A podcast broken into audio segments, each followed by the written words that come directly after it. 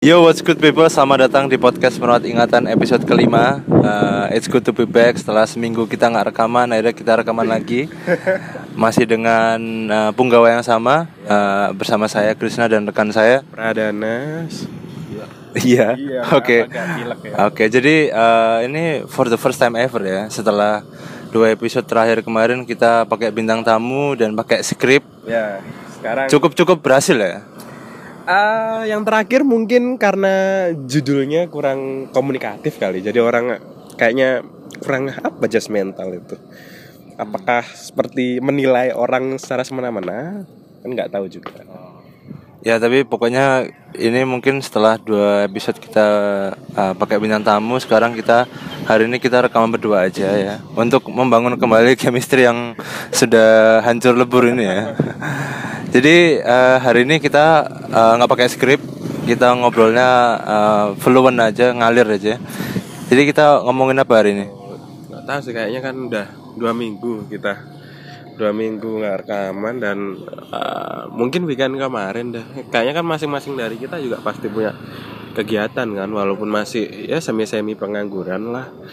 Eh, Pak Om sendiri sebenarnya kemarin Jakarta nih. Diceritain aja deh kegiatannya apain tuh. Nanti tektokan aja. Oh gitu. Bukan ke Jakarta sebenarnya. Ada kerjaan di Jakarta Bukan ke Jakarta, cuma ke calon calon mantan ibu kota Indonesia. Oh iya. Ya, jadi ini Jakarta kan cuy ya kan calon mantan ibu kota, bener. tetap Jakarta Iya tapi kan calon mantan, belum calon mantan masih calon, bener kan? iya benar benar nah Perlu dijelasin nggak ada info biar jadi info kan? Enggak, orang-orang yang tidak perlu yang terlalu informatif, orang-orang Oh. perlu nonsense. Oh ya udah, eh, jadi ya kemarin pokoknya eh, ke calon mantan ibu kota Indonesia ada suatu ya inilah pekerjaan lah, kecil-kecilan lah.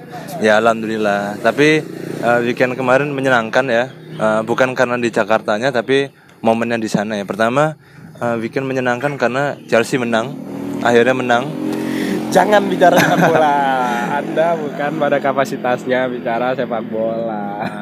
Chelsea menang. Ya, yang kedua itu adalah eh, alhamdulillah kemarin sempat eh, bertemu lah bersilaturahmi dengan eh, teman-teman yang bek- yang mencari pundi-pundi uang di sana.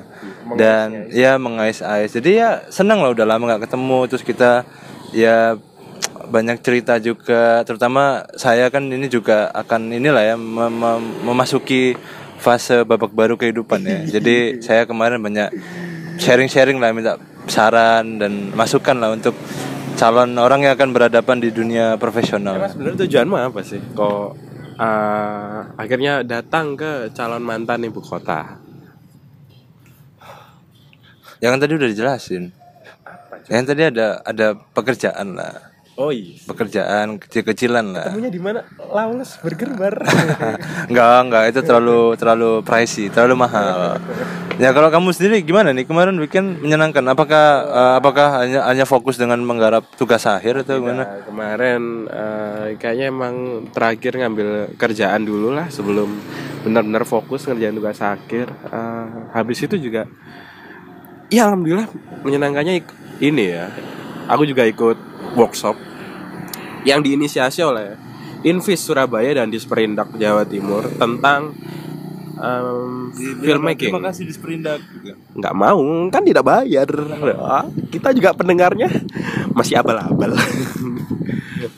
Ya cukup menyenangkan tiga hari bikin film. Dan filmnya biasa saja kayaknya Tapi apa yang dipelajari dari oh banyak yang dia pelajari banyak dong. Banyak yang dia apakah pelajari menambah relasi? ya salah satunya menambah relasi. Terus eh, yang pasti juga ada hal-hal yang eh, saya baru tahu ketika ikut workshop itu karena dulu malas cari tahu saja sepertinya. Bukan karena itu susah dicari tahunya karena sekarang era internet. Gitu. Udah. Apa ya ngomong apa lagi ya ya pokoknya kemarin ya ada inilah pekerjaan eh, ya merenovasi lah sebuah hunian gitu ya belajar banyak juga sih dari situ maksudnya eh kalau sebagai desainer itu kan ini dong Apa? cerita apa kan ketemu anak-anak Mhm. teman-teman yang mungkin udah mulai establis pekerjaannya di Jakarta Eh, saran dari mereka yang paling nyantol apa sih? Saran oh saran paling nyantol ya ini Iya. yang aku paling ingat itu adalah eh, ini harus percaya diri men percaya diri jadi eh, Berarti nggak perlu relasi, pokoknya percaya diri aja dulu ya. iya katanya sih gitu maksudku masuk itu oke kamu punya eh, skill ya hard skill soft skill tapi kalau kamu nggak nggak percaya diri gitu akan bakal kalah juga sama mereka yang percaya diri gitu. Pa- kan karena beberapa teman-teman itu yang Iya, iya. dari cerita teman-teman itu katanya ya ada yang kayak dia itu sebenarnya skillnya biasa banget gitu loh tapi dia pede banget gitu. Contoh. ya nggak tahu. Mereka tidak memberikan contoh karena kan cukup inilah explicit content lah.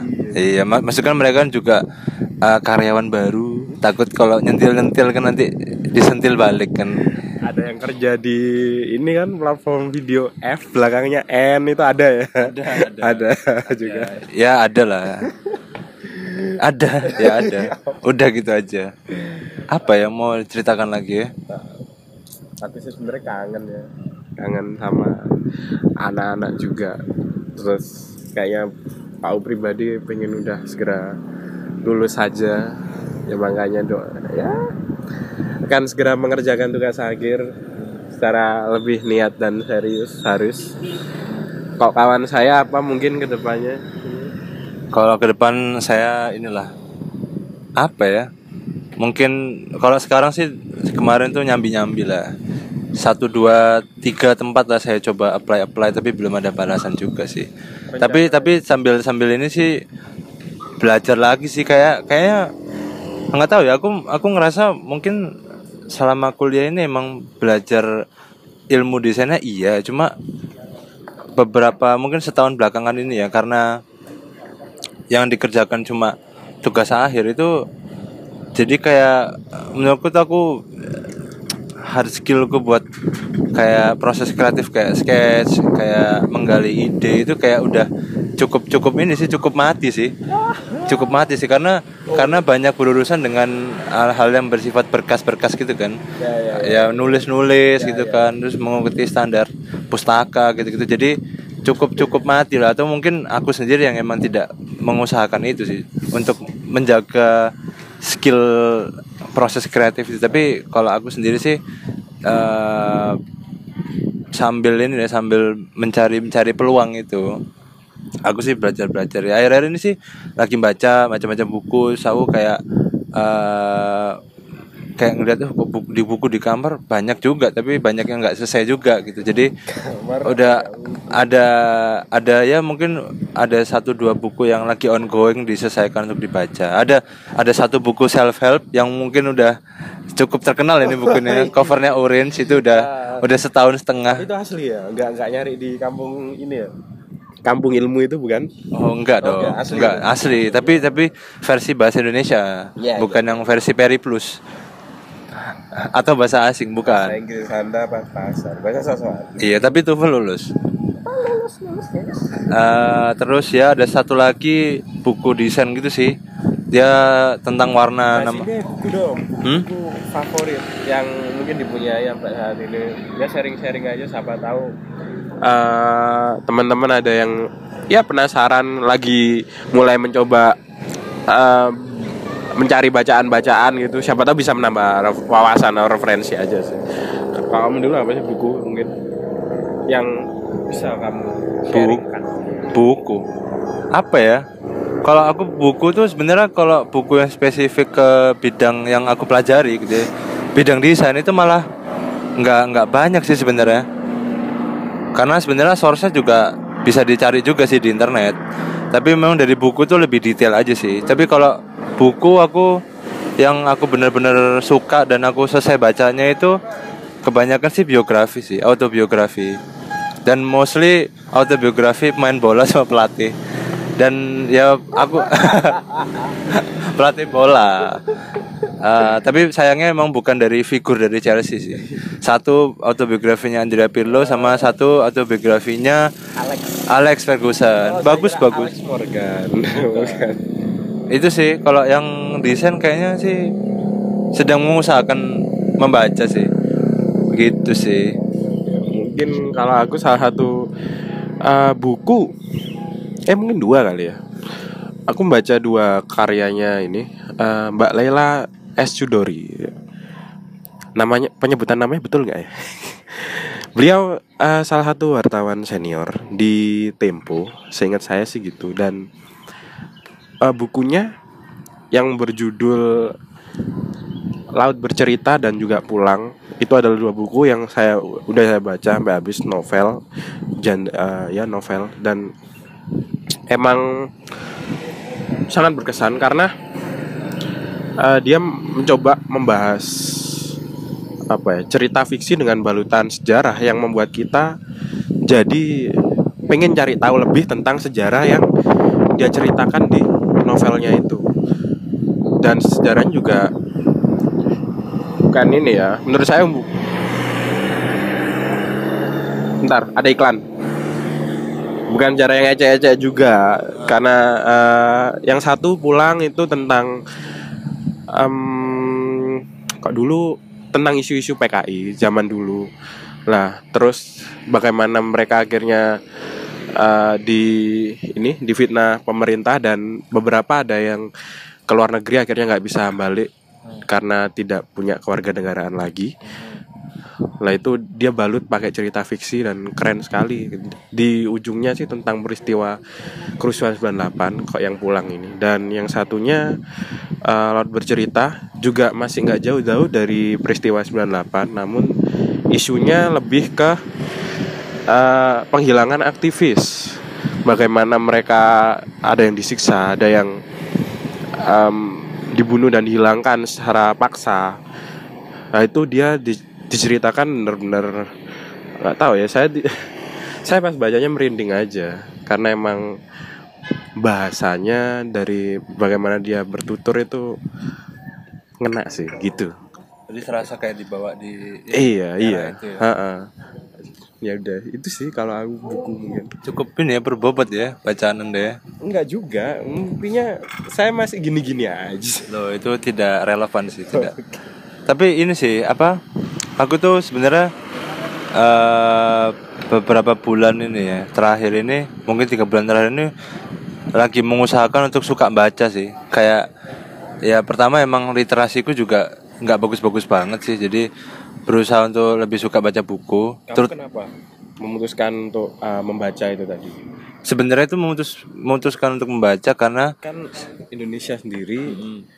udah dikenal nih uh, dan juga masyarakatnya sepertinya sudah sadar bahwa literasinya tingkat buruk. literasinya uh, buruk. Ya.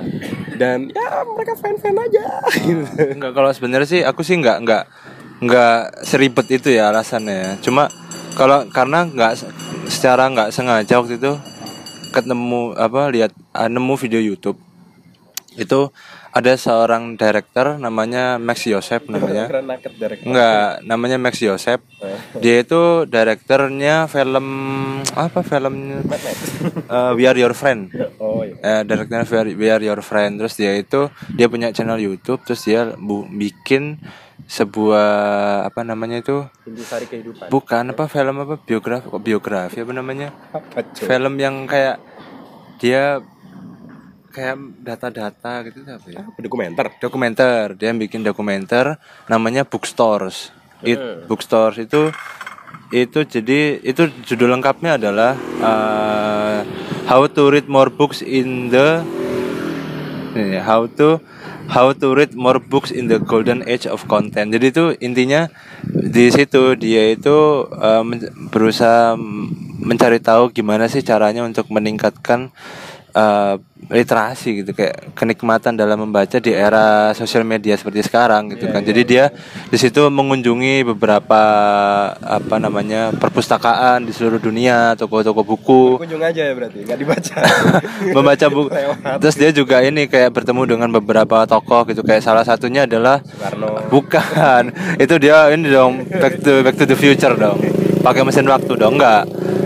Ini dia uh, salah satunya itu orang pemegang rekor membaca tercepat.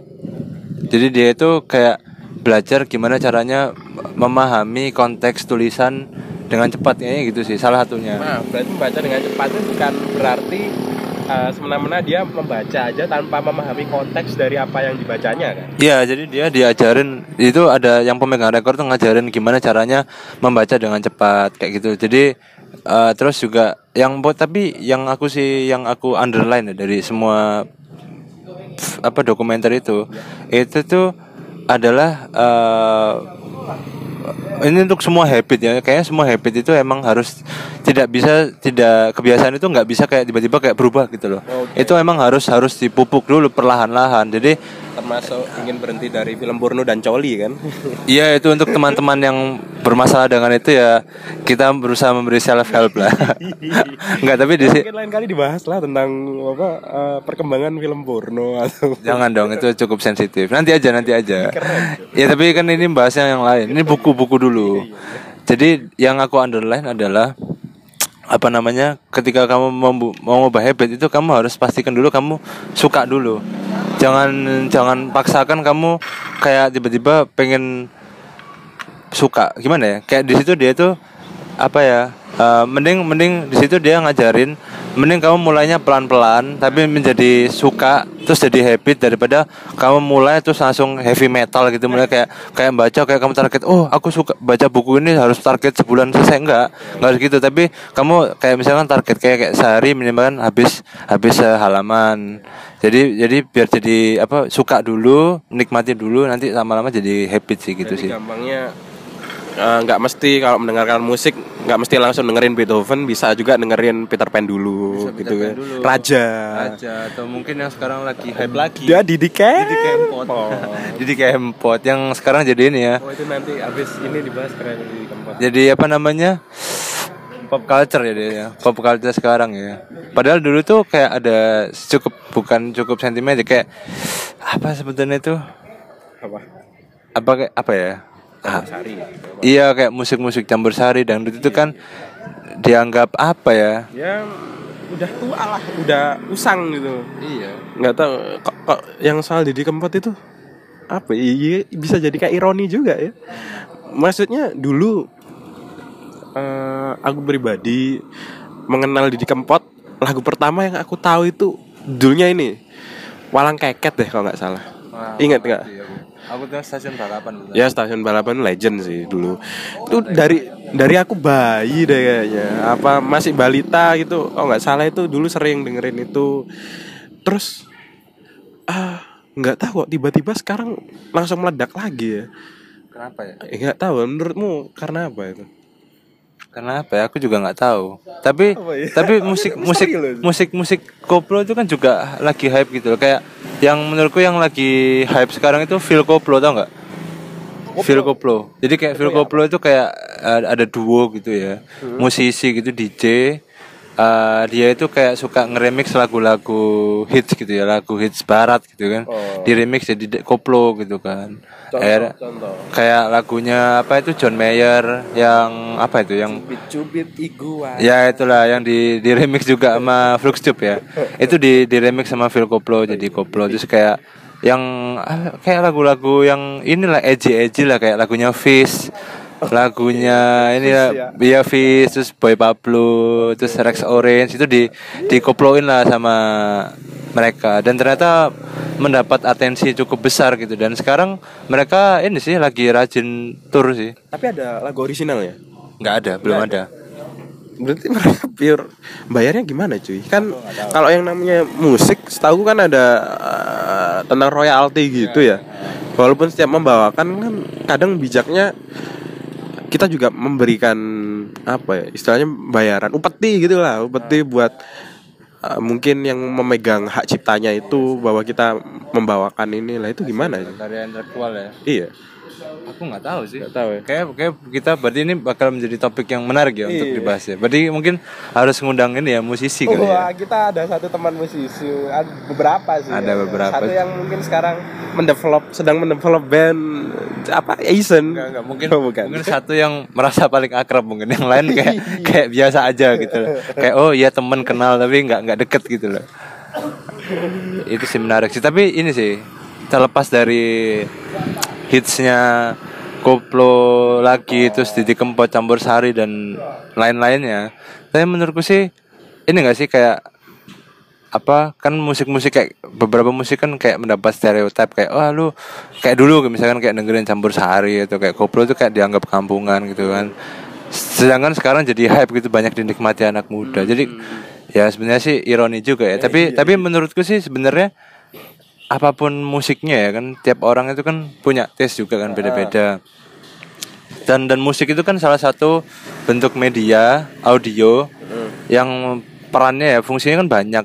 Ya. kan media kan banyak fungsinya kan ada yang ada yang untuk to inform ada yang untuk meng- menghasut bukan menghasut ya kayak agitasi apa ya. propaganda. Ya kayak gitulah. Terus ada juga dan dan dan yang paling eh, paling utama kan adalah to entertain kan untuk menghibur gitu kan Jelas, pasti jadi ya. jadi kalau misalkan seseorang misalkan nggak terhibur mendengarkan suatu musik gitu kan ya berarti kan nggak masalah sebenarnya kan misalkan nih misalkan ada dua orang teman ini Hmm. A sama B si A dia suka metal gitu kan dia terus si B suka metal berarti benar-benar dia mainnya di toko besi gitu. Oh enggak, bukan metal itu. Suka musik-musik cadas lah gitu. Nanti cadas batu gitu. Enggak. Musik-musik inilah keras lah, musik keras. Apalagi bro diplesetin apa lagi? Kontol. Eh, eh, eh, eh, nanti disensor ya. Eh satu lagi si B itu suka campur sari misalkan. Kan selama si si A nyaman dengerin dia emang nyaman dengerin musik heavy metal misalkan. Dia tapi dia merasa ketika dengerin musik itu dia terhibur, dia hatinya senang. Tapi kalau dia dengerin campur sari mungkin dia kurang suka. Kan nggak masalah. ya nggak masalah Ya kan? Karena dia nggak entertain dengerin musik itu. Sedangkan kebalikannya juga Si B Dia suka dengerin campur sari Tapi dia nggak suka dengerin heavy metal. Dia nggak nggak nggak apa apa nggak nggak entertain dengerin musik itu kan nggak masalah. Selama, selama tidak orang dua ini nggak apa ya tidak memaksakan selera mereka gitu loh. Ya, mungkin kalau dulu dia di, orang ini nggak jadi bagian dari masyarakat minoritas eh mayoritas aja ya. Kan dimusuhi gitu di masyarakat yang mayoritas zaman dulu. Kok sekarang kan kita semakin mudah aja menemukan orang yang punya kesamaan atau kedekatan dengan kita. Karena eh, juga media informasi yang semakin berkembang. Ya platformnya juga banyak. Itu sih. Ya menurutku ya nggak masalah sih. Ya maksudnya bukan nggak baik sih tapi kayaknya ya kalau orang emang suka satu eh, taste musik gitu ya genre musik ya ya udah gitu. Sama dia nggak ganggu kamu sih nggak masalah. Ya kan? Ya nggak sih? Genre dibully lah misal nggak nggak mau mendengarkan genre musiknya. Enggak menurutku eh, ya mungkin nggak ada yang salah nggak ada yang benar ya di sini. Mung- mungkin benar semua. Eh, kalau aku kayaknya lebih condong ke kayak misal dunia desain. Dunia desain kan menurutku selalu berputar. Kita akan selalu mungkin kembali ke titik yang dulu pernah populer apa dulu pernah ada style desain ini dan akan hype lagi. Dan kayaknya di musik juga kayak gitu deh. Modern Iya, iya. modern sekarang mungkin udah pada eh apa nyoba meninggalkan ya atau enggak meninggalkan sih em, apa ya aku bingung ya ngomongnya Ya kalau misalnya kalau kalau anak desain produk kan mungkin untuk 10 tahun terakhir mungkin kan salah satu style desain yang ini kan modern kan. Ya itu modern itu sebenarnya ya udah udah lewat banget gitu. Tahun 70-an 60-an itu kan yang kalau anak desain produk ya itu kiblatnya itu ini bukan. mesti dalam mendesain dalam mendesain. Itu modern itu kiblatnya ke Dieter Rams. Ada ada dia desainernya Brown.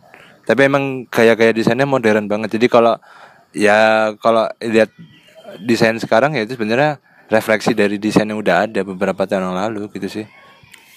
Enggak bukan itu. Maksudnya yang yang di musik itu kayak gimana ya? Aku bingung ya. Eh, oh gini aja deh. Kayaknya kok sekarang juga orang-orang pada karena kan referensi yang semakin banyak terus orang juga pengen membuat membuat diri bahwa aku lo beda karena aku dengerinnya ini cuy. Apa kayak gitu juga? Ngaruh nggak ya? Apa? Apa ya kayak kayak yang campur sari kan kayak beda itu keren gitu ya? Iya beda itu keren gitu. Nggak pop itu keren gitu. Ha-ha. apa kayak gitu juga mempengaruhi sekarang? Kan karena aku sendiri juga dalam beberapa konteks ya. Hmm. nggak nggak musik ya tapi kadang merasa berbeda dalam pada satu dua hal itu emang ya menyenangkan sih. Gitu aja sih. Kayak, kayak itu berlaku juga sih dalam hal musik itu sih. Mungkin orang-orang ini kayak bosan sama pop gitu kan. Terus akhirnya dia kayak menemukan satu aliran yang dia aliran. yang dia suka dan emang nggak banyak yang dengerin ya itu keren sih.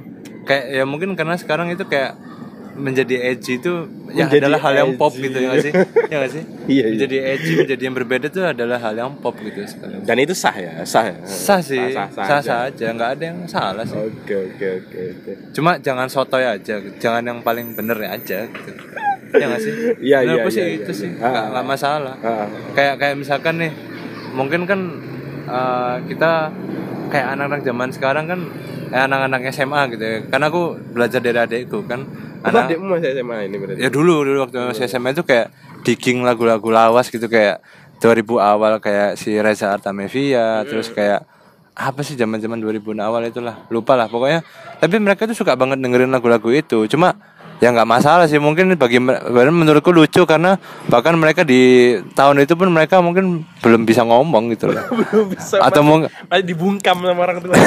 bukan bukan gitu maksudnya belum bisa bela- ber- ber- berbicara dengan proper gitu lah. Ya itu sih.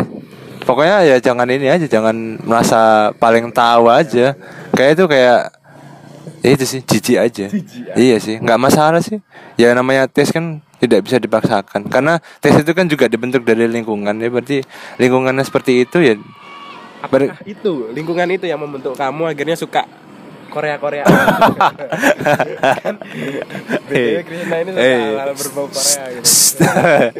enggak itu cuma sedikit aja. Iya. itu itu sebenarnya enggak enggak dari ini sih. Enggak dari pengaruh siapa siapa sih. Ya ada sih mungkin dari adekku sih.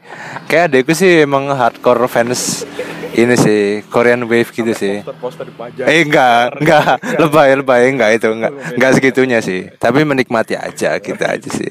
Ya kan, ya kan tadi kita kembali lagi ke poin bahwa dengerin musik itu kan salah satunya tuh entertain. Ya aku entertain dengerin musik itu why not gitu loh. Apakah anda akan bakal me- menjat saya? Kan saya kan tidak merasa paling benar gitu loh. Gak merasa kayak oh enggak lah musik ini paling enak didengerin enggak juga. Atau aku juga masih dengerin ini sih. Dan aku nggak bisa mengidentifikasi diri sendiri dengan satu genre musik sih. Kayak dari dulu tuh kayak berubah-berubah gitu, tergantung eh, tren, tergantung lingkungan juga. Ya kayak dulu kalau zaman SMP kan itu 7X.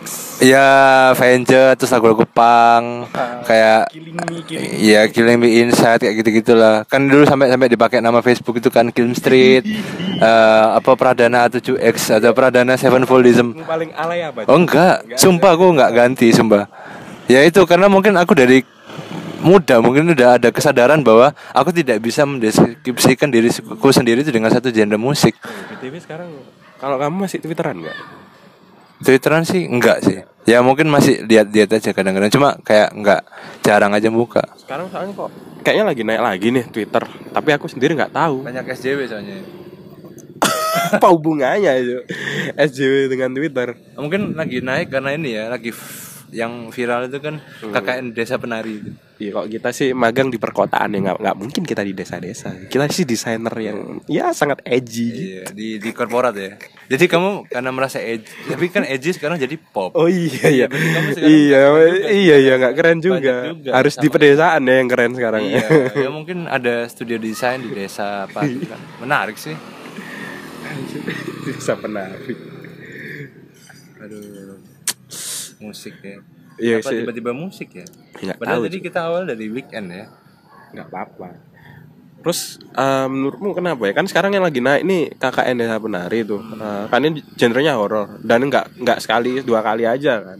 Sesuatu yang berbau horor bisa cepat viralnya, bisa cepat naiknya dan membekas di mayoritas orang Indonesia. Dan menurutmu kenapa? Ada apa dengan horor? Ya mungkin ini dari sumber yang terpercaya. Sebenarnya aku juga nggak tahu sih. Ceritanya aku nggak baca cerita. undang Intan lagi nih. aku nggak nggak sebenarnya aku nggak tahu sih seperti apa detailnya sih. Tapi tapi ini dari sumber yang terpercaya bahwa apa namanya memang memang kejadian di cerita itu di treat KKN Desa Penari itu based on true experience gitu loh. Dan dan ada dan ada apa namanya saksi matanya. Cuma mungkin ya kalau menurut mata aja nih yang jadi saksi. Gak ada orangnya. Iya kan semuanya. Iya, iya. ya kan visual kan bukti paling mudah kan visual bro Iya, iya, iya. enggak sih tapi kalau menurutku sih kenapa sesuatu yang berbau seperti ini tuh cepat naik mungkin ya karena orang Indonesia masih percaya hal-hal mistis kali ya nggak tahu sih Kalau aku aku aku sendiri sih nggak tertarik karena aku nggak suka genre horor Nggak ada aja. kedekatan dan Nggak- iya, nggak nggak tertarik aja. apa dulu ini nggak termasuk orang yang pernah kena treatment orang tua kayak misalnya pulang maghrib ditakut-takut nanti diculik wewe gombel kan dulu kita belum ini ya belum cangean belum tahu yang namanya toge toge kayak gitu mungkin ah takut takut kok sekarang wah mungkin gitu Oke, tahu ke pasar gitu. Toge, Pak. Kecambah kan. iya iya iya Ya tahu sih kalau dari kecil tahu kecambah ada. itu bang Oh beda ya. Apa sih tadi ngomongin apa sih? Jadi lupa. kok jadinya saya yang pervert gini Tadi apa sih? Oh ini ta. Iya, Mitos dulu- mitos. ah, dulu termasuk orang yang kena treatment kayak gitu ke orang tua atau kalau misalnya ke tempat gelap jangan di situ nanti kamu eh, di ada ada pocong di sana atau jangan Hmm. main di kuburan malam Enggak Siapa sih. juga yang main di kuburan malam Enggak sih masalahnya emang aku kayak bukan tipe orang yang suka ekspor sih waktu kecil jadi kayak kayak kalau dulu main juga nggak sampai lewat maghrib juga sih oh, kecuali kalau emang Korea sama orang tua gitu kali oke. kok tapi tapi emang tempe emang ini sih dapat eh, kalau dari kecil emang banyak di bukan ditanamkan ya ya ditanamkan lah. Dengan kepercayaan kepercayaan tertentu gitu loh kayak misalkan nyapu harus bersih Oh, iya, isunya nanti isunya jenggotan. jenggotan gitu kan. Itu sebenarnya kayaknya bukan buat cewek bangsat iya tapi tapi iya tapi ibuku bilang gitu ngajarinnya gitu. Ada ada tapi kan dulu kan pernah ada di Twitter itu atau di Twitter atau di Instagram ya ada yang bilang kayak "Eh, nanti nyapu yang bersih. Nanti suaminya berewokan. Terus dia nunjukin fotonya ya kalau berewokannya kayak siapa namanya? Ya kayak artis-artis ganteng sih nggak apa-apa gitu kan. Jadinya sekarang banyak orang kemproh gitu ya mungkin. Begitu salah satu penyebab banyak iya mendasari banyak orang yang nyapu nggak bersih itu ya karena banyak orang berewokan yang ganteng gitu. Itu jadi please ya untuk untuk artis-artis yang di salon salon sekarang sudah banyak juga yang buat perawatan jenggot itu sudah banyak Ya udah banyak sih. iya emang emang di kalau di barbershop kan ada paket untuk ini Ada juga. shaving juga, Bro. Anjir, tak kira masih pakai yang cukuran ini Enggak. Tadi ngomong apa sih? Oh ya, kepercayaan-kepercayaan itu. Terus kayak duduk jangan di ambalan pintu. Soalnya apa ya aku lupa akibatnya, tapi kan duduk di ambalan pintu itu kan karena nanti karena setan lewat apa gitu. Terus ini lewat. Terus iya apa itu? Iya tuh, terus apa lagi ya? Terus ini makan itu nggak boleh disangga. Jadi makan itu piring ditaruh di meja, jadi nggak disangga. Padahal kan mantenan mesti disangga pakai tangan. Oh, Kan? berarti kualat semua ya yang di mantan-mantanan gadis. iya, nggak soalnya kalau ma- makan disangga itu pakai tangan itu ini soalnya nanti hidupnya jadi disangga sama orang terus, disonggo, maksudnya kayak Iya, iya, iya. menjadi beban hidup orang lain terus gitu loh. Apalagi ya? Kayak itu sih. Apa? Tapi tapi sebenarnya ya apa kalau semakin dewasa itu sebenarnya kita jadi paham ada pesan positifnya sih. Mungkin bagi anak kecil cara paling mudah ditakut-takutin gitu kan. Tapi itu juga ah, gimana ya? Agaknya juga salah cuy. Bisa jadi hal tersebut yang malah terpatri dan akhirnya bisa-bisa menjadi efek traumatis juga kan. Kayak ketanam gitu loh. Dan katakanlah pas gede enggak di masing-masing gitu. merasa enggak enggak tapi sebenarnya masih ada gitu di di dasar kepalanya kalau dulu termasuk ini enggak orang yang misal nunjuk nunjuk tempat apa gitu yang katanya angker harus digigit dulu jarinya terus meludah gitu Oh enggak sih. enggak aku dulu kayak barbar banget Kalau kalau aku sih, pokoknya kalau lewat kuburan harus ngomong assalamualaikum ya balik kubur. Kalau nggak gitu, kalau nggak gitu ntar apa namanya apa penghuni kuburannya ikut ikut tidur nanti kayak gitu. kalau berarti nggak bilang asilole Ya enggak dong, itu mancing itu. Itu bakal ikut sih. Kalau ini apa yang pensil pensil katanya kalau udah sat, eh, jari ini jari manis ya jari kelingking Ah. kalau udah sejari kelingking harus dibuang kalau enggak nanti ibunya mati Ih, baru tahu sih aku. Kayak ekstrim sih kayak. Berarti kepercayaan di di daerahmu waktu kecil tuh lebih primitif sih. Kebetulan saya kan saya kan kecilnya di kota besar Surabaya ini kan. ya aku kecilnya di Sidoarjo Iya, ya itu kalau Surabaya di- dibandingkan ya udah kelihatan. SD ya Mohon nama maaf, maaf ya. SD Kebuan Sikep Iya, namanya nggak familiar ya. iya iya ya Allah. Lama juga ya. Udah 30 menit. Lanjutin apa? lanjutin apa ngobrol apa lagi Apa ya? Yang selewatnya di otak aja. ya udah dulu Apa aja ya? Yang mungkin lagi panas sekarang. lanjut minggu depan aja kita hadir dengan tamu lagi atau gini dulu lagi Iya sih. Ya, ya udahlah. udah sih, itu Ya, ya. maaf, materi. itu mungkin ini ya mungkin kalau ada saran dan kritik ya mungkin monggo bisa langsung ke DM kita aja di Instagram Iya. di @krisnarizaldi dan apa at apa Di at Krisna Rizaldi. eh jangan dong di di Pradana Rizky Iya, underscore iya, iya. Radana Rizky underscore. Pradana Rizky pakai Q apa pakai K Ah, pakai yo. riset kayu. Kalau itu cowoknya bonusnya di dunia nyata. Iya iya. Lebih menyebalkan. Iya. ya udahlah gitu aja dulu ya. Ya udah. Ya. Bye. Bye.